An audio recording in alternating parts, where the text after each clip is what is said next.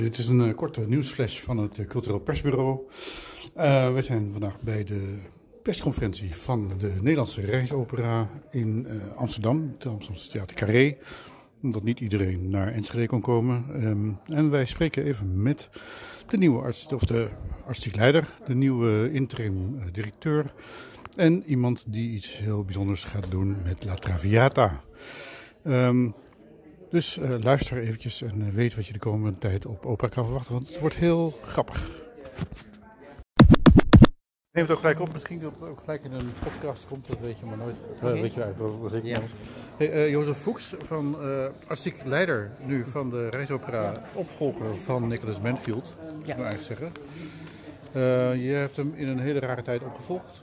Want er was eigenlijk niks te doen. Of tussen COVID kwam. Uh, wanneer ben je precies begonnen met je werk?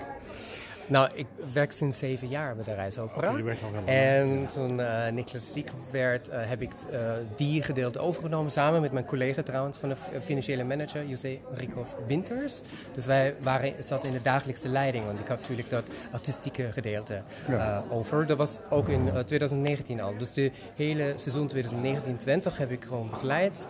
De, nou ja, daar ben je veel mee op reis, et cetera. Want je bent natuurlijk als operabedrijf altijd bezig met het voorbereiden van komende seizoenen. Ja. Dus je staat ook nooit stil, want uh, is er geen live tour mogelijk? Dat is één deel van wat we doen. Er ja. gebeurde heel veel administratief natuurlijk ook. Uh, en zangers, casten, uh, gesprekken, conceptpresentaties van artistieke teams over een stuk van drie jaar. Dat, we zijn niet stilgestonden. Ja. Er was altijd heel veel te doen. Maar Nicholas was een leermeester voor jou? Nou ja, hij heeft me, hij heeft me aan de, aan de, naar de reisopera gehaald. En ik heb natuurlijk heel veel van hem geleerd. Ja. En hij heeft me gelukkig zoveel vertrouwen geschenkt. Om, heeft gezien, we hebben een beetje dezelfde smaak, uh, wat casting um, aanbelangt. En dus heeft hij mij eigenlijk meer en meer ruimte gegeven, wat ik heel fijn vond, om zelfstandig dus uh, die hele klus op te pakken, de keuzes te maken, artistiek gezien. En hij ging dan meer en meer in richting lobby en al die belangrijke uh, delen, ja, politieke verhalen, et cetera. En natuurlijk ook contact met media en relaties. Ja, dus zeg je nu eigenlijk dat het artistieke beleid, het artistieke gezicht van het gezelschap toch al wat langer uh, mede bepaald is door jou? Nou, ik weet niet. Ik denk dat we de koers ook een beetje veranderen. Dat we niet zozeer praten over, daar is een gezicht en dat staat er voor iets. Mm -hmm. uh, maar ik, ik, vond het heel fijn om die uh, BIS-periode in nou, invulling te geven. Die, die lopende eigenlijk. Uh, dat heb ik samen dus met José Rikhoff gedaan. En nou, dat vind ik heel leuk om te doen. En dat wil ik wel nog een paar jaartjes verder blijven willen doen. Ja. Want Nicholas Manfield die, die, die was een gezicht van het gezelschap, ja, bepaald gezicht. Um, ja. en, en, dat hoort ook een beetje bij een, bij een artistiek leider. Dat, dat, dus, en jij bent natuurlijk lange tijd heb je in de schaduw zeg maar, een beetje geopereerd. Wat, wat, wat gaat jouw gezicht worden? Ik heb het zelf nooit ervaren, nee. om eerlijk te zijn. Ik was ook nooit assistent of zo. Nee. Ik heb een uh, zelfstandige baan. Uh, ik kan gewoon, de reisopera is op een nieuwe weg, zeg ik maar. Want die kan alles mogelijke modern invullen. En uh, die vragen die je nu stelt, dat is gewoon één bepaalde manier een, van, of een één kijk naar een concept. Dat dus de artistieke leider zo en zo moet zijn. Maar we kunnen heel, daar, daar is, dat is nu wat, waar wij naar kijken zou ik zeggen. Je kan het heel anders invullen. En we hebben dus ook een algemene directeur. Ja. Dus dat vind ik ook fijn, want die kan ook een gezicht van iets zijn. We kunnen ook meerdere mensen uh, een gezicht geven en een stem geven binnen het bedrijf. Uh, bijvoorbeeld als het uh, over educatie gaat, kan ook een educatiemedewerker of coördinator iets toelichten bij de media. Wij, vinden, wij willen dat eigenlijk een beetje openbreken. Uh, en ons eigenlijk ook misschien niet afhankelijk maken dan van één gezicht, zeg ik maar. Dat zijn ook zo'n beetje, ja, daar leren we ook een beetje van het verleden, zou ik zeggen. Mm. En ik denk dat we gaan daar gewoon een moderne, nieuwe invulling aan geven. Want ik zag een heleboel inspirerende plannen langskomen, ja. uh, maar ook dingen die u al uitgevoerd hebben. De campingtour, uh, de, de, de, de, de, de, de, compacte opera's. ja, de compacte opera's. Compacte opera's. Mm -hmm. um, Nou, is het ook goed om te zeggen dat, dat uh, de meeste hiervan uh, zijn niet ontstaan vanwege, oh, we zijn nu in een noodsituatie, nee. we moeten iets um, nieuws ontwikkelen. Dat was al in de planning door die visie waar we zeggen we willen uitbreiding. Ja. Ja, ik vind het een heel. Uh, want jullie gaan echt de boer op, om even bijna letterlijk ja, te zeggen. Klopt, dat, klopt. Dat, uh, ja. Nou, dat vinden we heel leuk, want we hebben ook die ervaring gemaakt. Als je het nooit probeert, weet je niet, is het iets? Je moet grenzen opzoeken. Wat kunnen die mensen aan? Want we, willen natuurlijk ook nieuw publiek uh, die deze prachtige kunstvorm laten zien. En is het ook in een kleine essentie, dan is het toch dat je mensen daar naartoe misschien kunt nou, stimuleren eigenlijk en inspireren. Kom toch een keer langs bij opera. Als je dat hebt, nou, daarvan hebt genoten van zo'n kleine uh, campingtour, misschien is het toch iets. Gewoon dat die vraag opduikt. En haal je dan die mensen echt daar op waar ze met plezier zitten. Dus op een camping zijn ze veel opener dan in een theater bijvoorbeeld. Ja. En die ervaring hebben we echt gemaakt, ook met de kinderen. Kinderen blijven ook bij die uh, voorstelling, die zogenaamde uh, uh, voorstellingen voor volwassenen gewoon zitten. Maar als je in een theater staat en staat ergens groot boven, ja, dat is niet voor kinderen geschikt, of nou ja, zo zou het nooit staan. maar dan komen ze misschien niet op de voorhand, terwijl het misschien toch iets is. Dus zoek ze op waar ze zijn en waar ze zich op hun gemak voelen. Ja, ik vind het zelf heel inspirerend, maar ik hoorde ook wat gekreun van, van, bepaalde zijden uit de operahoek. Maar van, van, mensen die bang zijn dat je aan partituren gaat komen. Uh, dat, dat, dat, dat, zeg maar niet meer. Er is een hele traditionele opera-publiek, zeg maar, ja. wat zij vertegenwoordigen.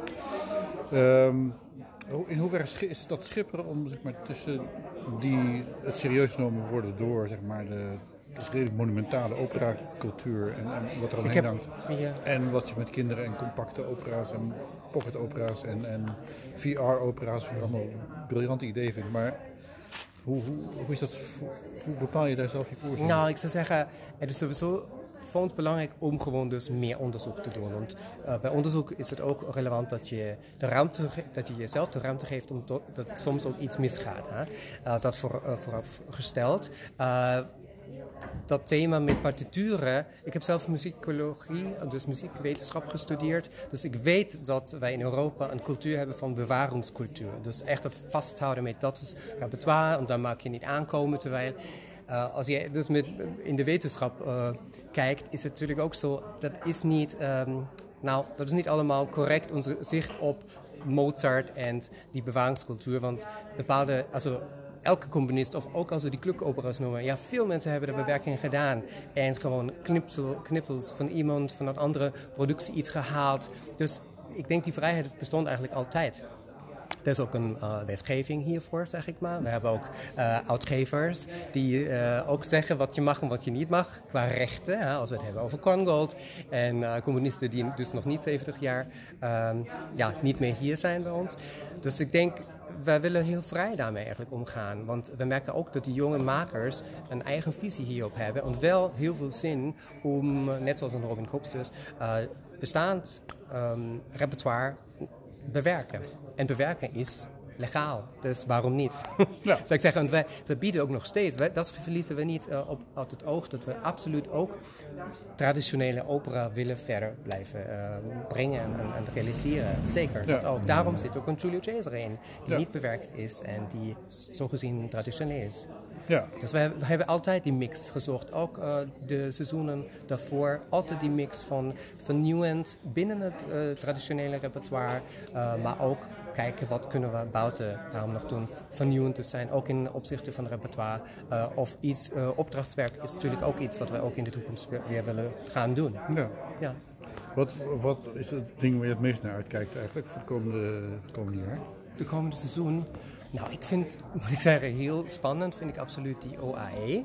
Dat is want een virtual reality, die virtual reality of, VO. Uh, precies. Ja. Waarom ik daar heel naar uitkijk is, want wij breken daardoor ook iets op, is dat Nederlands als ik dat zeg? Nou, we veranderen gewoon, als ik het zo zeg, uh, ons eigen proces. Want ik zeg altijd, als je echt vernieuwing wil, moet je naar het proces kijken, om dat veranderen. En uh, bij de OAE is het echt work in progress. Uh, bijvoorbeeld veranderen wij ook de vaste posities binnen een artistieke team, maar ook uh, bij het cast. Het is dus niet zo dat je zegt, nou we hebben een regisseur, we hebben een assistent-regisseur, we hebben een voorstellingsleider, et cetera, of een choreograaf en dan een dramaturg. Klopt wel, maar iedereen zit een beetje tussen de stoelen, want deze opera of deze, dit product vraagt net iets anders. En zeker ook van de uitvoerende. We hebben, ja het klopt, we hebben dus die alumni tenor Lucas van Lierop, die gelukkig ook gitaar kan spelen. Maar hij is, hij is wel als operazanger gevraagd. En toch zullen we van, van hem meer vragen dan alleen maar... Uh, sta hier en ga een leuke aria zingen. Nee, iedereen is een performer. Ja. Dus we gaan echt... Uh, sleutelen aan het proces, hoe je een project uh, maakt, dan kijk je dus ook soms naar try-outs bijvoorbeeld. Dus iets wat we kennen uit de musicalwereld, toch? Ja. Uh, dat komt eigenlijk bij operaproducties niet, maar nee. bij dit formaat vinden we het passend. Dus we bedienen ons ook bij andere formaten. Om het, trouwens, het wil bijna zeggen dat je dan nog gaat uitzoeken wat het publiek wel vreet en niet vreet eigenlijk. Ben ik dan... Uh, klopt, we willen bij dit project nog uh, meer meenemen uh, door die try-outs daarvoor. Waar moeten we misschien nog op letten of waar moeten we nog een knopje even draaien? Oké. Ja, dat willen we meenemen. Dat vind ik ook een heel belangrijk moment. We mogen niet vergeten, repertoire in het opera dat bestaat al jaar, honderden lang. Dus dat heeft zich al bewezen. Dat is door die try-outs doorheen gegaan. Maar dat waren echte voorstellingen. En dan bleven bepaalde uh, stukken dus in het repertoire. Dus die zijn ook door die proces gegaan. Dat vergeten we alleen maar vaak. Ja. ja. Dankjewel. Ja, dankjewel. Jozef Voegs. Okay. Um, Hiddema, maar wat is je voornaam ook alweer? Want ben Nina. Nina, Nina Hiddema, oké, okay, sorry. Ja, okay. ja. Uh, Nina Hiddema, uh, uh, ad interim algemeen directeur van Reisopera. Ja. Sowieso nieuw dat er nu een artistiek en een algemeen directeur is. Dat was volgens mij tot voor kort nog niet zo? Of? Dat was. Nicholas denk ik, Mansfield was, was algemeen directeur. Ja, die was algemeen. Maar er, is ook wel, uh, er zijn wel eerder scheidingen geweest tussen. Uh, uh, tussen functies. Functiescheiding, geen scheidingen van ja, Dus er zijn verschillende, verschillende modellen voorbij gekomen de afgelopen jaren. Ja.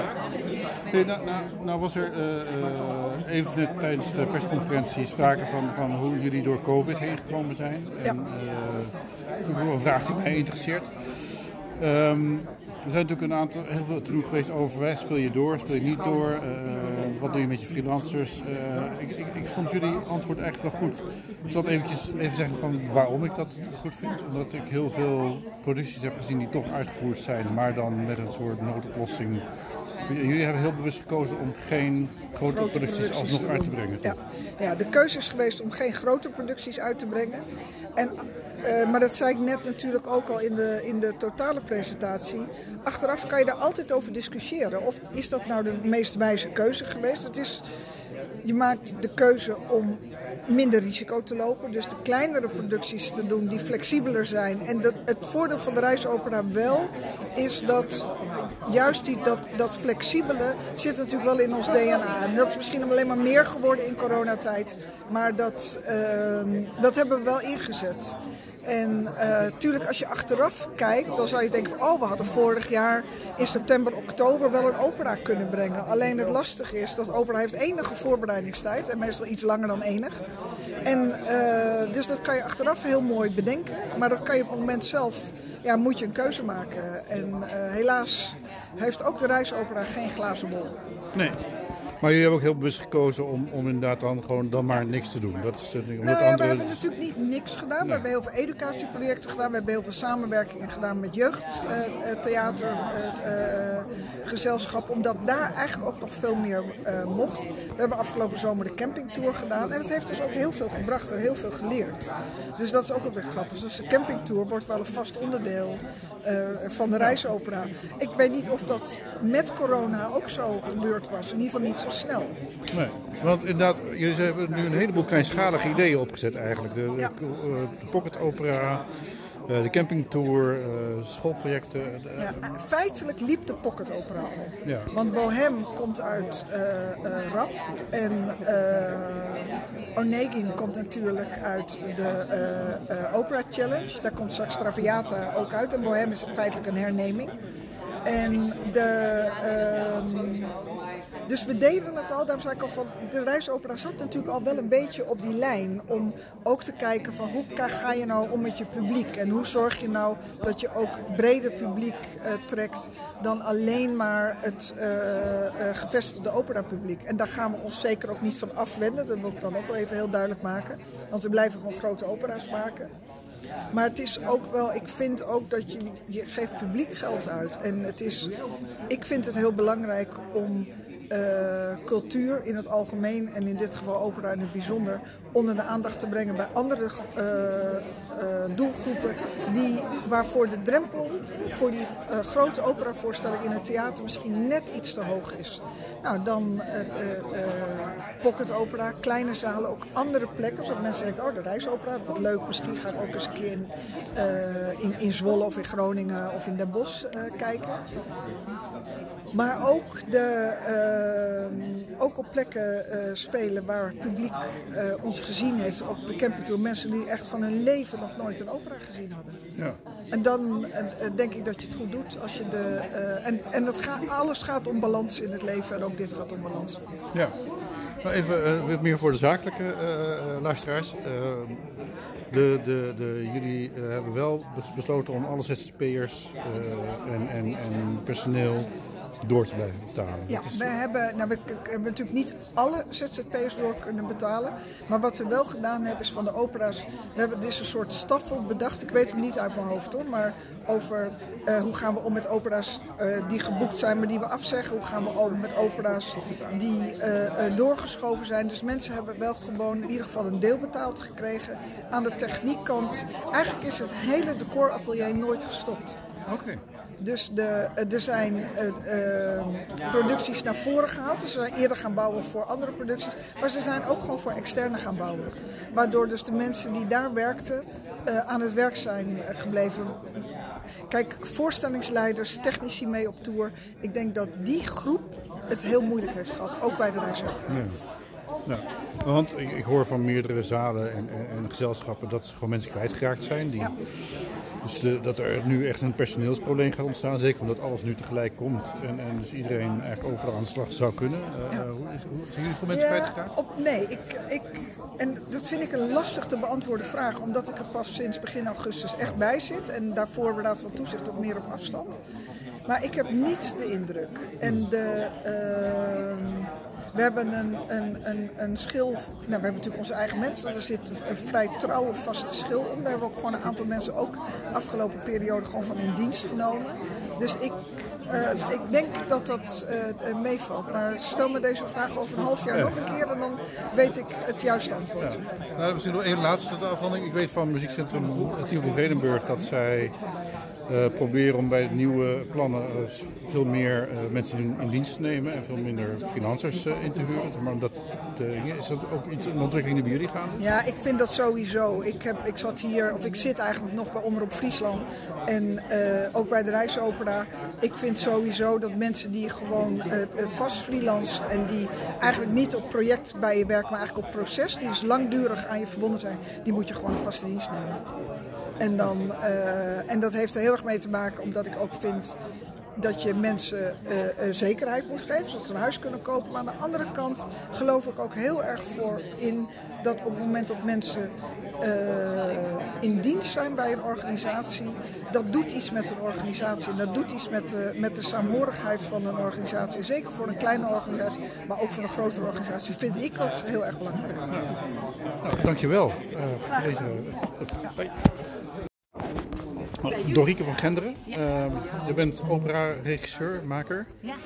En je gaat dit jaar een uh, voorstelling maken op basis van La Traviata waarvan ik zeg maar, wat gekreun hoorde achter in de zaal bij mensen die uh, iets met traditionele opera hebben. Ja, Vertel. Dat, kan me voorstellen. Ja, het is een, uh, het is een, nou ja, ik heb mijn versie gebaseerd op het verhaal van Lily Elbe. En zij is, de, voor zover we weten, de eerste transseksueel die in 1931 uh, geslachtsveranderende operaties heeft ondergaan.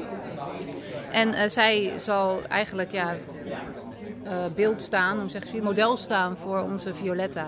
Violetta is in onze bewerking uh, ook een, eh, een, een, transseksueel een dame.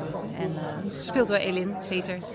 En ja, dat is, dat is eigenlijk wat ik ermee heb gedaan. Maar daar heb ik niet veel voor hoeven veranderen aan tekst of muziek. Eigenlijk helemaal niks. Nee. Uh, het is alleen ingekort en dat was naar de wens om het anderhalf uur te maken. Dus zonder koor en uh, met wat minder uh, solisten. Alleen, ja, sommige rollen zijn een beetje veranderd. Maar het liefdesverhaal is gebleven, uiteraard. Hè, van Alfredo en, en Violetta. En ook de, de, moeilijke van die relatie, om die te behouden. In dit geval omdat zij dus transseksueel is. En in het origineel omdat ze natuurlijk uh, courtisane was. En uh, de rol van Anina is veranderd. Zij was natuurlijk eerst de dienstdame van, uh, van Violetta en is nu haar vrouw. Ja. Um, nou, ik zeg al, er zijn bepaalde aanhangers van meer traditionele dingen die daar wellicht wat, wat, wat, wat wenkbrauwen bij dus optrekken. Ik zal het uitdrukken. Ja. Um, is, is, is het zeg maar ook, hè, wat, wat je dan hoort, uh, is het dan een soort knieval voor de nieuwe tijd waarin alles divers moet zijn, dat je een paar vakjes moet aankruisen? Of ja, dat, uh, komt, dat, dit, komt dit uit het hart? Dit komt uit het hart, zeker. Uh, dat vond ik wel, ja, ik snap heel erg dat die vraag komt, vooral nu in deze tijd waarin transseksualiteit, transgenders natuurlijk best wel een, een, ja, hot topic noemen ze dat dan, hè, is geworden. Ik heb deze bewerking eigenlijk al gemaakt vijf jaar geleden. voor een grote productie. Dus ik was er al eerder mee bezig. En het is zo, ja, ik heb dat ooit ook in een interview gezegd. Het idee vond mij. Uh, het kwam ineens tot me van, oh, misschien kan dat. Maar ik, ik, had het nog helemaal niet echt goed gelezen. Dus ik moet eerst toetsen op wat ik lees. Want ik vind het altijd heel belangrijk dat wat ik op een toneel zie, dat dat klopt met wat ik boven in de boventiteling lees. Als, ik dat, als dat niet mixt, dan vind ik dat moeilijk. Um, dus nee, en, ik, en ik, daarnaast vind ik het ook belangrijk om maatschappij kritisch te kunnen zijn. Ik denk ook dat kunst daar gedeeltelijk ook voor bedoeld is. En zeker nu ook met Verdi. Verdi was zelf ook iemand die graag toch uh, wat gewaagdere dingen deed. En Traviata ook in zijn tijd in het heden wilde spelen. Wat natuurlijk niet mocht vanwege censuur. Hè. Dus het werd teruggeplaatst in 1700. Daar was hij niet blij mee. Dus hij wilde zelf juist heel graag ook dingen aankaarten die op dat moment in de maatschappij speelden. En ik denk dat ik hem daarmee in dit geval ook enigszins recht kan doen. Maar ja, wat hij er zelf van heeft gevonden, kunnen we hem helaas niet vragen. Dus ja. ja. Je, je, draait al een aantal jaar mee in de opera-wereld. Wat is jouw achtergrond? Ik uh, heb voornamelijk heel veel regieassistentie gedaan. Uh, veel bij DNO gewerkt. Ook in het buitenland gewerkt. Theater aan de Wien, in Israël, Barcelona. en ik ga nu ook weer een revival doen voor Lotte de Beer in, in Genève. Dus ja, daar kom ik eigenlijk vandaan. En nu maak ik mijn eerste stappen zeg maar, als regisseur. Dus, en hopelijk volgen er nog meer. Ja. En, ja. Nou, we, zijn, we gaan het in de gaten houden. Oké, okay, nou, bedankt. Ben je blij met deze podcast? Laat het blijken met een kleine bijdrage. Kijk op www.cultureelpersbureau.nl slash doneren en maak ons gelukkig. Dus www.cultureelpersbureau.nl schuine streep doneren.